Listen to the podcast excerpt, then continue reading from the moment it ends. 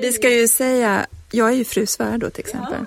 Ja, och sen så plötsligt så kommer man ju inte, man, jag menar normalt sett så pratar man ju, tilltalar man ju varandra vid förnamn. Mm. Så plötsligt kommer inte jag på vad Bo Ralf hette så jag sa herr Bosse under ett möte. Alla bara skrattade gott. Men de kan ha lite. Det är inte så att man åker ut bara för att Nej, man råkar säga. kan ha lite distans. Pocketpodden. En podd för dig som älskar pocket.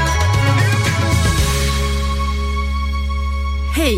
När Anne Svärd i höstas valdes in i Svenska Akademin så sa hon att de nog inte förstod hur radikal hon är.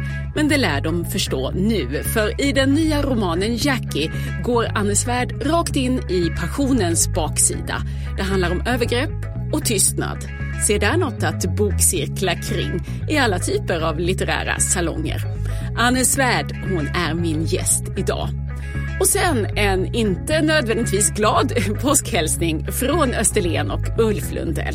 Skitpåsk eftersom jag störs som en autistiker av att allt inte är så vanligt. Jag heter Lisa Tallroth, har precis tvättat händerna, så nu börjar vi. Och vad glad jag är att du är här dessa krångliga tider till trots. Välkommen Anne Svärd. Tack så mycket. Du har ju varit kvarhållen, nästan instängd här i Stockholm alldeles för länge nu sa du till mig innan. Men direkt efter vårt samtal här så ska du nu äntligen få ta tåget hem till Skåne och Ystad där du vanligtvis bor och hinna gömma dig nu då innan den nya romanen Jackie når offentligheten. Är det så det känns att du behöver hinna undan? Ja, det är, känns eh, nödvändigt. Jag har alltid gjort ganska stora nummer av detta försvinnande. Det här blir min, min, mitt minsta försvinnande. Mitt längsta försvinnande, det var liksom Brooklyn två månader. Eh, för att jag bara, det var med min tredje roman tror jag var jag fullständigt eh, övertygad om att nu var det dags för mig att bli nerpuffad från piedestalen, för jag tycker jag har blivit väldigt, eh, jag har blivit väldigt fint mottagen med alla mina romaner. Nu pratar jag recensionerna, för det är ju det som är det, dagen D imorgon är ju liksom då recensionerna kommer. Ja, nu har den dagen redan passerat och det har hunnit gå en vecka när detta avsnitt publiceras. Men eh, hur tror du att det kommer att bli? Jag tänker lite grann på de här äldre skådespelarna, typ Marie eh, Göransson. Göransson, tack vet jag. Hon är en av många som har sagt att det blir bara värre och värre att gå upp på scenen. Och eh, det är ju att gå upp på en scen egentligen, att bli recenserad, det vill säga man kliver ut i en offentlighet. Och jag känner, för egen del, ska jag säga, för egen del så gör det mig faktiskt väldigt lite vad folk skriver om det jag har gjort. Men däremot kan jag tycka så här, min mamma kommer bli ledsen om de skriver ner mig. Jag tänker på folk som som blir lite ledsna om jag skulle bli eh, hårt åtgången i, eh, i recensionerna. Och sen, eh, jag hörde någon som pratade som precis sa att de kan säga vad, vad de vill om mina texter, men om de går på mina romanpersoner, där är man känslig, det är lite grann som ens, ens barn så att säga. Sen är ju det här också en, en roman som är väldigt speciell för mig, så att på ett sätt så känns det lite som att få sitt liv recenserat, jag vet inte riktigt. Ja, jag ska försöka eh, häcka lite, lite undanskymt imorgon tror jag. Mm. Mm. Men du är ju absolut ingen gröngöling. Redan Nej. din debut 2003 Polarsommar fick mycket uppmärksamhet. Augustprisnominerad blev den och fick sen andra fina priser. Och din senaste roman Vera kom 2017. Då har du väl hunnit nu också nå en utländsk publik översatt på 20 språk, ja. någonting sånt. Och sen i december så trädde du in i ytterligare ett strålkastarljus genom att bli invald i Svenska Akademin. Har det påverkat hela känslan kring romansläppet att du nu också är lite mer offentlig som jag är akademiledamot? oerhört mycket mer offentlig för att jag har levt ganska undanskymt. Det är, I år är det faktiskt 20 år sedan jag började skriva på min första roman så jag har ju varit med ett tag men det är det tror jag ganska många som inte har, har märkt för att jag har bott långt från Stockholm, det är en aspekt tror jag och sen har jag varit sådär jag har visserligen skrivit en del kulturjournalistik ehm, och så eh, för att överleva, det måste man göra, men eh, jag har eh, väl varit väldigt mycket i skrivandet. Jag är den typen av författare som inte har någon större lust att vara och synas för mycket.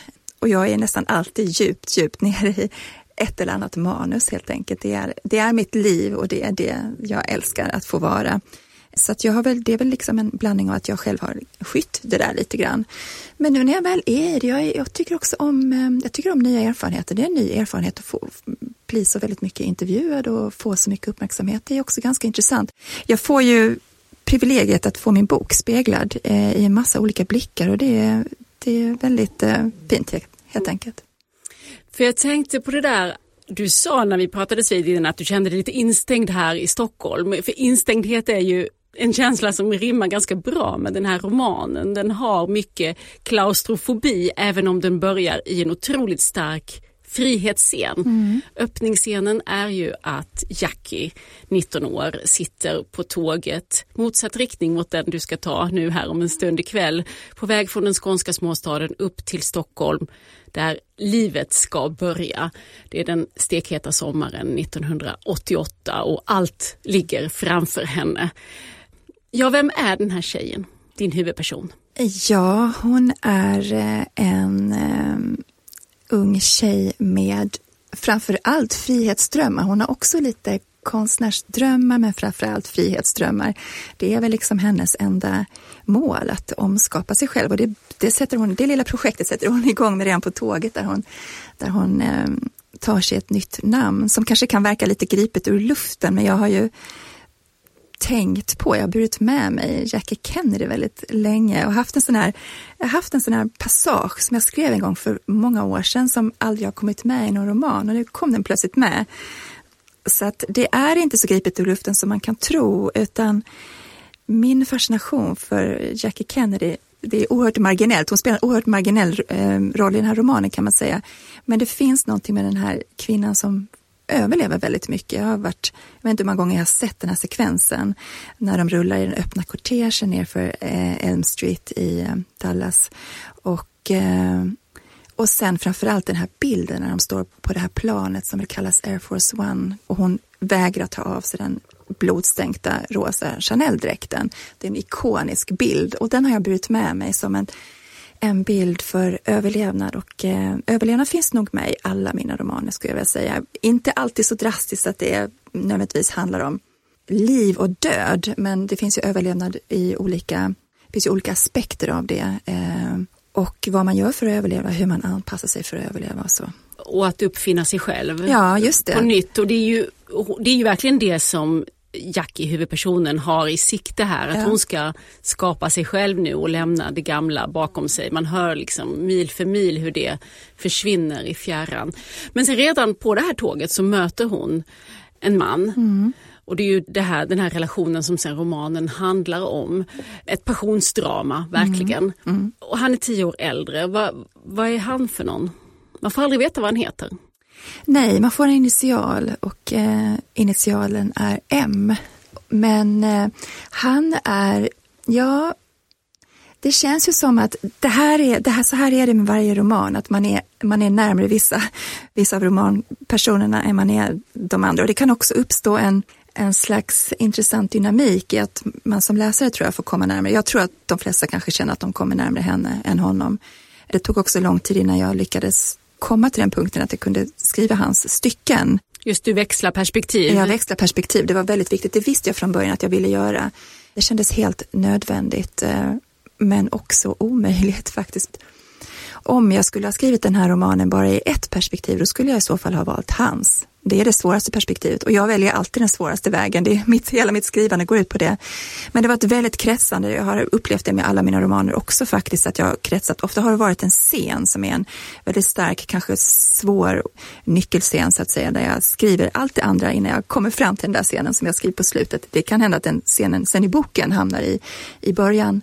Eller så kan det vara en romanperson som jag kan känna en viss antipati inför och inte vill närma mig. Eh, men det uppstår en viss friktion och laddning i det där undvikandet. Så motstånd kan ju vara något positivt i, i, i skapande sammanhang så att säga. Du märker att jag kretsar, kretsar kring och undviker och, och, och beskriva honom. Jag tänker att hela läsandet kommer att vara ett, ett upptäckande av eh, vilka de här två är. Jag tror definitivt inte att hon förstå vem han är förrän ganska långt in i romanen. Det kommer en, en rätt så tydlig vändpunkt och jag blev förvånad när jag upptäckte att den vändpunkten kommer först på sidan 180 någonting. Det är ganska exakt halvvägs in i romanen. Jag trodde den punkten kom mycket tidigare. Och där får man väl plötsligt se en annan sida av honom än vad han visat tidigare. Ja, för först verkar han ju otroligt eh, spännande i hennes ögon, sofistikerad, en annan typ av man än vad hon är van vid. Hon virvlar in där i hans, eh, i hans lilla bubbla i ja. Stockholm där hon inte känner någon annan. Nej. Och sen så kommer ju den här relationen att vändas mm. till ett, eh, ett beroende som hamnar i kontroll och som hamnar i, i övergrepp och, och våld. Mm.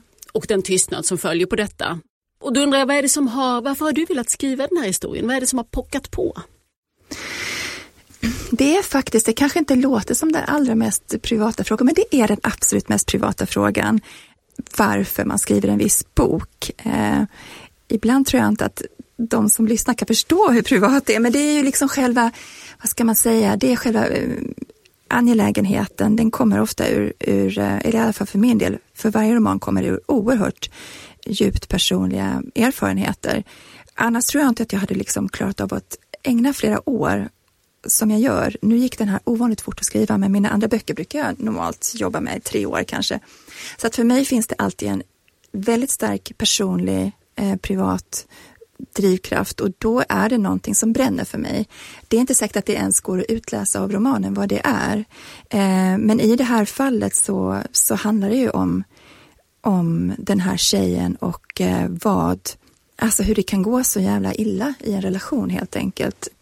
Och du pratar om frihet, eller kanske bara jag som pratar om frihet, för att det är ju liksom hennes signum och hennes starkaste drivkraft är den här otroliga frihetslängtan. Och det blir en väldigt farlig cocktail i kombination med hans, vad ska man säga, motsatsen till frihetslängtan. Ja, det är ett kontrollbehov som du säger, en, en, en behov av trygghet och att stänga in deras kärlek i den här hermetiska bubblan som råkar vara en, en, en vindsvåning i det man kallar Sibirien i Stockholm, ja, Vasastan. Hon vill ju egentligen bara ut och vidare och han vill bara stanna kvar. Och från början så tänkte jag att det här skulle bli ett, verkligen bli ett, ett eh, kammarspel. Det var så jag såg det från början, därför att jag visste att alltså någonstans så är ju en förälskelse är ju också en hermetisk, fast i, i positiv bemärkelse en hermetisk bubbla. Men vill, det är ju det som är så fantastiskt att få vara i den där starka, starka, täta, täta laddningen som, som en, en förälskelse kan bli. Men vid någon tidpunkt så brukar ju man öppna upp för, för omvärlden. Man brukar gå ut och liksom introducera varandra för varandras vänner eller liksom låta in, omvärlden sippra in på något sätt. Men det vill han aldrig eh, låta ske. Medan hon hela tiden har den här längtan och hon, hon går en krokikurs för hon, hon tänker sig bli konstnär eller hon tänker sig i alla fall komma in på konstskola och så vidare. Och hon pluggar på universitetet och hon har massa ströjobb exakt liknande de ströjobben jag hade. Jag började också dela ut tidningar på nätterna här när jag flyttade upp som 19-åring och eh, satt i biografkassor precis som hon gör och så. Men eh, varje gång han, hon lämnar den här bubblan så blir det ett hot för honom. Det var, det var fint när jag pratade med en läsare som just lyfte upp den där han är den svaga och hon är den starka här. Och det är ju kanske lätt att se det på ett annat sätt först eftersom det, åldersskillnaden i sig gör ju att han har naturligtvis ett övertag plus att han är, han är hemma i den här stan. Hon är en, en liten fågel som har flugit in här och landat och inte vet någonting. Hon vet inte var någonting ligger i stan. Hon upptäcker den snabbt, men eh, han har ju många fördelar på det sättet gentemot henne. Men hon har andra fördelar som, som är, tror jag, en, eh, hon har en styrka i sig. Och jag tror att när han ser den så börjar den också bli lite hotfull. Samtidigt som han utmanas och attraheras av den. Så det där är, vi är ju väldigt komplexa som psykologiska varelser, vi människor. Till och med när man är 19 år är man komplex redan. Och det är väl mycket det jag är och, och gräver och vänder på när jag skriver romaner. Eftersom det är de här två perspektiven som växlar så är det ju så att det, de, ser, de blir bara speglade i varandra kan man säga till en början. Så man får ju se, man anar ju honom i hennes blick och man anar henne i hans blick. Och sen efter ett tag så kändes det för klaustrofobiskt och hermetiskt och kanske för endimensionellt och då tog jag in de här som jag tänker är varsin konfidant. Hon har en kompis, en eh, tjej som också går på den här krokikursen som heter Conny, som hon träffar och då får man se romanens huvudperson lite genom Connys blick. Och han har en eh, grann grannkvinna i, sin, eh, i sitt hus som han har känt i väldigt många år och som han har en helt annan relation till än han har till sin flickvän. och det finns vissa terapiliknande sessioner så där man också får se honom genom någon annan blick där han är lite mer, han är lite mer utsatt där än vad han är med den här tjejen.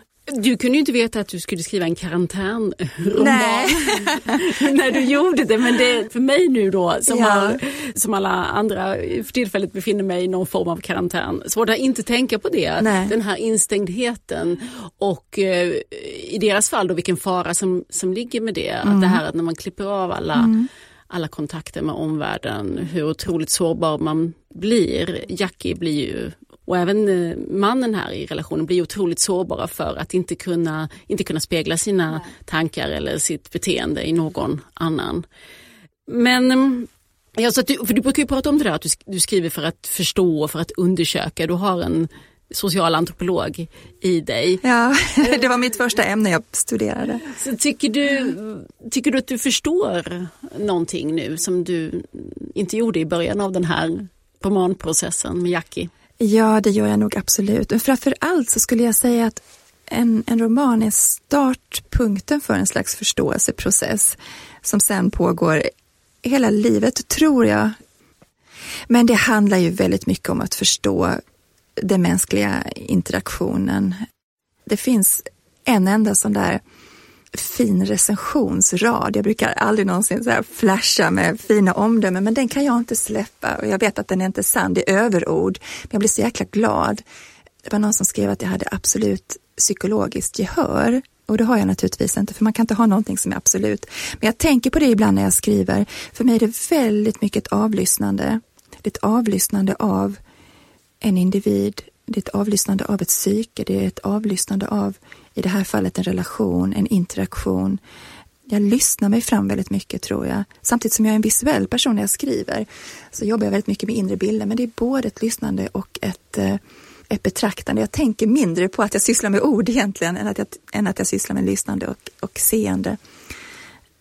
Det var ju ingen konkret svar på vad jag hade lärt mig då. Jag tror att det nästan är lite ordlöst. Eh, I just det här fallet så skulle jag säga att det också jag börjar tänka på engelska, come to terms with, alltså att man, man nästan förlika sig med. Ja, förlika sig med att man accepterar någonting. Det är också någonting med, när jag säger förståelseprocess så handlar det också faktiskt om acceptans på något sätt. Samtidigt som mycket av det som händer i den här romanen är faktiskt mycket väldigt vackert och mycket fullständigt oacceptabelt. Så att det finns det olika former av acceptans. Jag har faktiskt varit tvungen att fundera mycket på hur, eftersom jag har en väldigt, väldigt stark drift i mig själv att förstå och därifrån är steget inte långt till att förlåta. Man brukar ofta säga att folk har svårt att förlåta, men jag vet att jag har för lätt att förlåta. Jag är väldigt, väldigt snar till det. Och det tror jag har att göra med att det finns nästan ingenting som är mig, inget mänskligt är mig främmande. Nu har jag glömt vem det var som sa det ursprungligen, men det tänker jag ofta. Det kanske är för att man, när man håller på och skriver romaner så sysslar man hela tiden med mänskliga skuggsidorna och avarten och allt sånt där. Det är ju liksom det vi romanförfattare vi jobbar väldigt mycket med. Och då är liksom det där Alltså i det här fallet menar jag bara att jag, jag känner, jag, jag, jag, hörde mig själv utifrån som man kan göra ibland. Så sent som igår när jag satt i en annan intervju så hörde jag att jag liksom höll på att, att eh, inte inte förlåta honom, jag liksom nästan relativiserade lite grann vad det är han, han gör mot henne. Jag tänkte, men nu får du, efteråt tänkte nu får du, nu får du stanna upp och tänka efter. Det finns ju också en drift när man skriver romaner att man vill, eh, vill komma nära och, och eh, se med försonlig blick även på osympatiska huvudpersoner eller romanpersoner, bipersoner kan det vara. Måste man ta ställning där, nej, tänker du som författare? Nej, det måste man inte. Men för mig, för mig personligen så skulle det faktiskt vara en, en vinst och en slags erövring att kunna stå kvar och, och eh, verkligen liksom i vitögat se vad det är han gör mot henne. För jag märkte att jag är inte färdig. Jag är så, när jag kommer fram till svaret nu, jag är absolut, det är mycket jag inte har lärt mig, så inser jag nu. Jag, inte, jag är inte färdig, jag måste, jag måste jobba mer. Eh, med just den där saken för att jag försöker för mycket förstå honom. Samtidigt så Ja, det är svårt. Det känns nästan som att det är en yrkesskada för min del. Fast jag tror när jag var så när jag var väldigt, väldigt liten också. Det är någon slags människokärlek som till och med sträcker sig ut till, till, till människor som jag kan på ett sätt tänka inte riktigt förtjänar det. För han gör ju inte riktigt det att förtjäna att förstå hans logik för att alla, alla människor kanske agerar utifrån ja, någon slags ja. inre logik. Den kan vara helt egen ja, uppfunnen. Men... Ja, men det som var jätteviktigt för mig här, det var ju att se att han också, det, det är precis här jag menar att det börjar glida och låta lite farligt, att se att han också lider. Det, det är kanske för mycket sagt, men att han är, åtminstone kämpar med sig själv. Det är inte så att han vill, jag tror inte han vill denna destruktivitet. Jag tror inte att han vill göra henne illa. Han försöker, han försöker tro att det ska gå bättre denna gång och sen gör det inte det och eh, att det är en, att det är ångestfyllt också för honom. Men det ursäktar ju ingenting. Kan läsaren få ta vid där och själv hitta fram till den moraliska slutpunkten? Ja, precis. Mm, en sak som jag tänkte på, apropå att förstå någons inre logik, så är det hur Jackie beter sig i takt med att faran i den här relationen växer. För då håller hon sig så nära honom som möjligt istället för vad man kanske kan förvänta sig, att man försöker springa så långt bort man bara kan. Men, och varför gör hon så?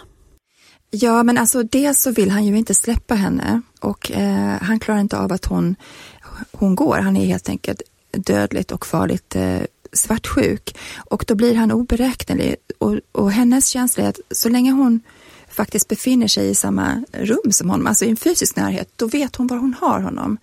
Och då kan hon liksom parera vad som sker i honom. För hon, det man lär sig i en sån här relation, det är att med liksom extrem eh, känslighet eh, avläsa den andras eh, sinnesstämning och eh, ligga steget före och veta vad som, vart det är på väg att glida så att säga. När hon inte är nära, då har hon ingen aning om vad som händer i honom och hon kan inte heller stävja det. Så det är ju, jag hör att det låter helt paradoxalt att hon känner sig tryggare i hans närhet trots att, eh, att han är farlig för henne. Men det har att göra med någon form av eh, förvriden kontroll kanske man kan kalla det, att hon, att hon känner att hon har. Och det där tror jag inte är helt ovanligt. För han är ju också lugnast när hon är i hans närhet, för då vet han var han har henne och det vill han veta. Den här frågan som alltid kommer, varför, varför sticker inte den här tjejen? Varför lämnar inte den här frun sin man och så vidare? Men eh, det finns ju statistik på att det är precis när man gör det som det blir som allra farligast. Så det har ju de här, eh, de flesta kvinnor avläst risken i det helt på eget bevåg tror jag. Intuition. Intuitiv. Ja, precis, precis. Och sen är det det tar ju också lång tid innan han man ska inte glömma det, det var faktiskt någonting jag läste precis häromdagen. Jag blev så jäkla förbannad för det var någon som skrev, avslutade någon text, jag vet inte om det var någon recension eller någonting, så stod det Ja, frågan är varför kvinnor dras till män som hatar kvinnor. Så tänkte jag, det kanske handlar om något helt annat, jag kommer inte ihåg, men jag blev, jag blev ganska upprörd för att jag kände att Alltså är det någonting metoo borde ha lärt oss så är det ju att det här kan drabba precis alla. Det var ju det som var det starka i, i den rörelsen, att det var de här enorm, det var så enormt många vittnesmål från så vitt skilda kvinnor och just väldigt starka kvinnor i alla olika åldrar. Det är ju inte klokt om man fortfarande inte har förstått att kvinnor dras inte till hon dras ju inte till honom för att han visar de här sämre sidorna i början. Det är ju precis tvärtom, att det, är, det finns oerhört mycket skärm, det finns oerhörd, han är också sexig, det finns en väldigt stark fysisk attraktion och det är ju starka krafter i sig. Han ser henne, han är intresserad av henne, han får henne att kännas betydelsefull. Allt det där som vi älskar i ett möte med, med en annan människa som vi liksom förälskar oss i. Ja. Du, det är ju en händelse som ser ut som en tanke att du skriver en roman med just det här temat samtidigt som du äntrar Svenska Akademin som just har skakats av en metoo-skandal. Och när du först fick inbjudan att bli ledamot så vet jag att du sa de har nog inte förstått hur radikal jag är. Är den här boken ett sätt att visa det? Jag tror kanske att de har sett glimtar av det redan på de här få veckorna jag har varit i akademin. Um, Nej, när jag började skriva den här så satt jag nere i Berlin och då var det fortfarande ganska många månader till att jag fick frågan att sitta i akademin. Så att uh, den här är pre allt vad akademi heter. Och jag tror att jag kommer att, att försöka verkligen lägga mig vinn om att hålla hyfsat vattentäta skott mellan mig själv som författare och mig själv som, som akademiledamot då, om man nu ska ha en sån, sån hatt och gå omkring med vissa dagar i sitt liv. Det enda som egentligen sammanfaller det är ju läsningen, så att jag vill gärna bidra till akademiarbetet som en läsande författare, för den, den blicken tycker jag är viktig att ha på litteratur. Men din fråga, ja, nej, jag vet inte. Nu eftersom allting ligger nere så har jag inte varit, jag har inte varit eh, i Börshuset och jag har inte lagt min, min roman i de här andra 17 facken som man skulle kunna göra. Nu är jag en person som inte gör det. Jag, är, jag blir ohyggligt eh, blyg alltid inför det jag har gjort. För att det är mig väldigt nära tror jag. Så jag har absolut inget distanserat och, avslappnat förhållande till, eh, till mina romaner. Det märker jag, om inte annat så märker jag det när någon ber mig läsa högt ur dem. Det, alltså jag kan liksom börja gråta mitt i. Jag har ingen, jag har ingen distans överhuvudtaget. Så att, eh, om det ska komma en enda god sak ut ur corona så är det att jag slipper lägga eh, Jackie i de här 17 mm. facken. Och, eh, det är klart de vill ha det. Ja, de vill säkert det. det de vill säkert. Med dedikation. Ja, kanske det. Eh, och jag vet ju också att de är fantastiska eh, läsare. Jag hör ju på när de pratar om andra författarskap och jag kan uppskatta extremt mycket det. Och återigen, inget mänskligt är mig främmande, det är det inte heller för akademiledamöter. Om man håller på med litteratur så, ehm, och i så många år som många av dem har gjort, både skriva själv och eh, läsa i den ofantliga mängden som de gör, så om inte annat så skulle jag säga att man liksom vidgar sin bild av människan väldigt mycket och eh, jag tror att även detta kan rymmas, hoppas jag. I den. Ja, skitsamma, om det inte gör det så spelar det ingen roll. Jag, jag Eh, Eh, mitt, mitt författarjag är en sån där, ja men hon är lite grann som den här tjejen som jag tittar på nu på omslaget som sitter där. Hon är liksom innesluten i sig själv och gör det hon måste göra. Det finns inte ens ett spann vilda hästar som skulle kunna hålla tillbaka det oavsett vad. Så att det är integritet tänker jag är det absolut viktigaste som, som författare och då gäller det att kunna veta vad man ska inte lyssna till också. Mm. Du sa det, jag tyckte det var så eh, intressant. Du sa det någonstans, läste jag, att det du tycker om med skapande är att det inte går att vara duktig. Det handlar inte om det. Nej. Så på sätt och vis då spelar det inte någon roll vad, vad varken akademiledamöter eller recensenter tycker. Eh, men eh, berätta, vad menar du med det, att det inte går att vara duktig i skapande? Ja, men för mig så är duktighet och eh, att prestera, det är någonting som rör sig på, på en yta inför andras blickar. Medan skrivaren för mig handlar om någonting som, som kommer oerhört djupt ur mig själv, både behovet och eh, ja, allting kommer väldigt djupt inifrån mig. Så att det, det är liksom inte ens på samma planet eh, på något sätt. Eh. Och jag tror också ju längre jag har hållit på, det har varit lite grann en utmaning med den här boken att våga skriva så naket, avskalat, enkelt. Också för att det är en väldigt ung människa eh, så vill jag liksom inte lägga min, min litterära vuxna språk i hennes mun. Det krävs också lite mod. Jag kan ju ändå minnas när jag var yngre att det är klart att man ville, man ville bli godkänd sådär litterärt och det var, det var mer piruetter på något sätt. Också jag kom lite från poesin, jag har alltid varit väldigt fascinerad av, av språk och jag älskar att läsa eh, läsa litteratur som utmanar mig så att säga estetiskt. Men ganska mycket i mitt eget skrivande handlar om att trycka ner den därför att jag har väl en viss naturlig fallenhet för språk och så. Men det är ganska mycket att nå en, eh, en enklare ton för att komma närmare en, en, en känsla och ett uttryck som ligger nära de personer jag skriver om. Och där, eh, där kopplas det där med eh, prestation definitivt bort också. Någonting ska stå på spel, men det är någonting annat. Det är att våga sätta egna viktiga känslor och erfarenheter på spel också i skrivandet. Ja, tiden rinner ut här. Det finns jättemycket jag skulle vilja prata med dig mer om. Inte minst eh, finns det ju intressanta kopplingar mellan huvudpersonen i din förra roman, Vera Sandrin. Mm. Hon har ju en del gemensamt med Jackie. Det är också mm. en, en ung kvinna som blir utkastad mm. i världen. Var det så att kanske då att Sandrin lämnade en fråga som du plockade upp här i i eh, Jackie och att även Jackie har slängt en fråga som fortsätter in i ditt ja, skrivande. Det tror jag, det så tror jag faktiskt att det är, det har du helt rätt. Och, eh, min förra roman Vera, den handlar ju också mycket om att skapa sig själv eh, på nytt och det är ju också den här, det den här tjejen vill göra faktiskt, fast från en helt annan utgångspunkt. Sandrine i, i Vera, hon, hon måste omskapa sig för att hon har förlorat allt. Den här tjejen har ju liksom allting framför sig så att säga. Det är lite grann som de där som man höll på på 70-talet, de där när man lämnar en liten vad heter det, ja men surdeg, nej det gör vi fortfarande, det gör vi, det gör vi återigen. Man lämnar en liten klick som liksom får växa vidare lite grann tror jag. Det är lite som en stafett kan man också kalla det om man vill ha ett vackrare ord än surdeg, fast surdeg är ett ganska vackert ord. Så fungerar det från roman till roman för mig. Du ska få ta ditt tåg nu. Mm. Tusen tack, tack Anne Svärd för att du kom hit till Pocketpodden. Tack så mycket. Och romanen Jackie är alltså alldeles, alldeles sprillans ny. Annes förra roman Vera, den finns däremot som pocket. Och det är inte så dumt att ställa de här till synes kanske väldigt olika historierna bredvid varann. För jag tänker i alla fall på dem som två olika gestaltningar av i alla fall delvis samma känslomässiga erfarenheter. För är det inte samma man och samma kvinna som förekommer i såväl Jackie som Vera? Och kanske i Annes världs alla romaner. Pocketpodden. Jo, men det blir väl påsk även denna märkliga vår, även om den kanske får firas lite annorlunda än du hade tänkt dig. Men jag är inte den som säger ryck upp dig, det får någon annan göra. Jag läser Ulf Lundells dagbok Vardagar 1 som nu finns som pocket. Eller han läser själv förresten. 14 i fjärde 17. Långfredag.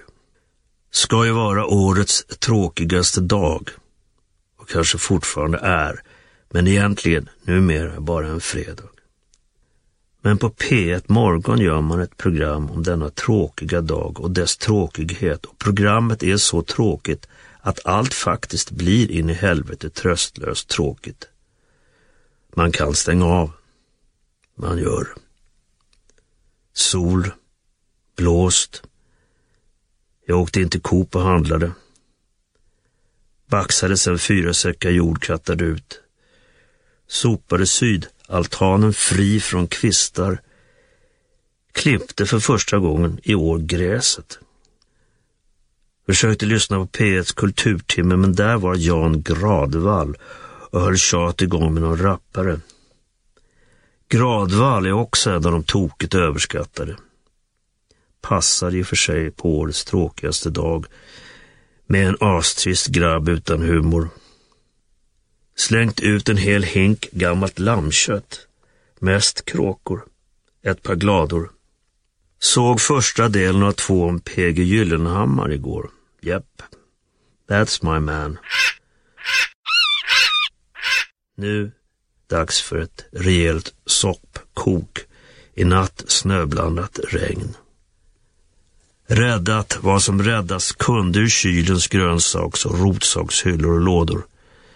Slängde ut några tärnade bitar rögat fläsk, timjan, persilja, koriander, lök, vitlök. Får bli vad det blir. Stod och hängde på diskbänken och sa högt Skitpåsk! Eftersom jag störs som en autistiker av att allt inte är så vanligt. En kanon och försöker ta kramsfåglarna. Känns inte påskstöket på bygden? Inga kabbar med pensionärer som bilar hit och dit. Men fullt på husvagnsuppställningen nere vid fotbollsplanen i Kivik. Lyssnat på Triplicate i bilen. Dylans trippel med gamla amerikanska sånger. Smått utsökt faktiskt. Sorgesamt. Ålder. September of my years. Vilken låt. De kunde de som skrev det där. Lugnt, enkelt, sublimt. Tidningarna är igång med platt mage och rumpa.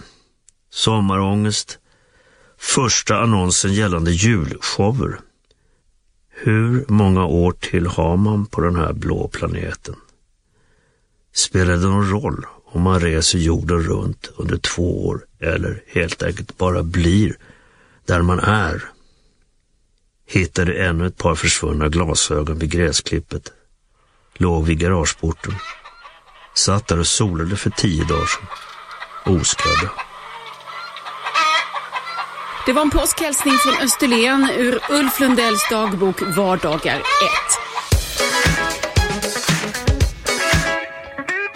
Nästa vecka blir det våroffer här i Pocketpodden. Kanske lite olycklig titel just denna vår, men det kan ju inte författaren Anders Delamotte hjälpa. Han hade faktiskt bara våren kvar nu, den fjärde delen i sin årstidskvartett. Men vi ska se ändå vad han har att säga till sitt försvar nästa fredag här i Pocketpodden. Tills dess, följ oss gärna i sociala medier. Där heter vi Älska Pocket. Jag heter Lisa Tallroth. Glad påsk! Du har lyssnat på Pocketpodden. En podd från Bonnierförlagen.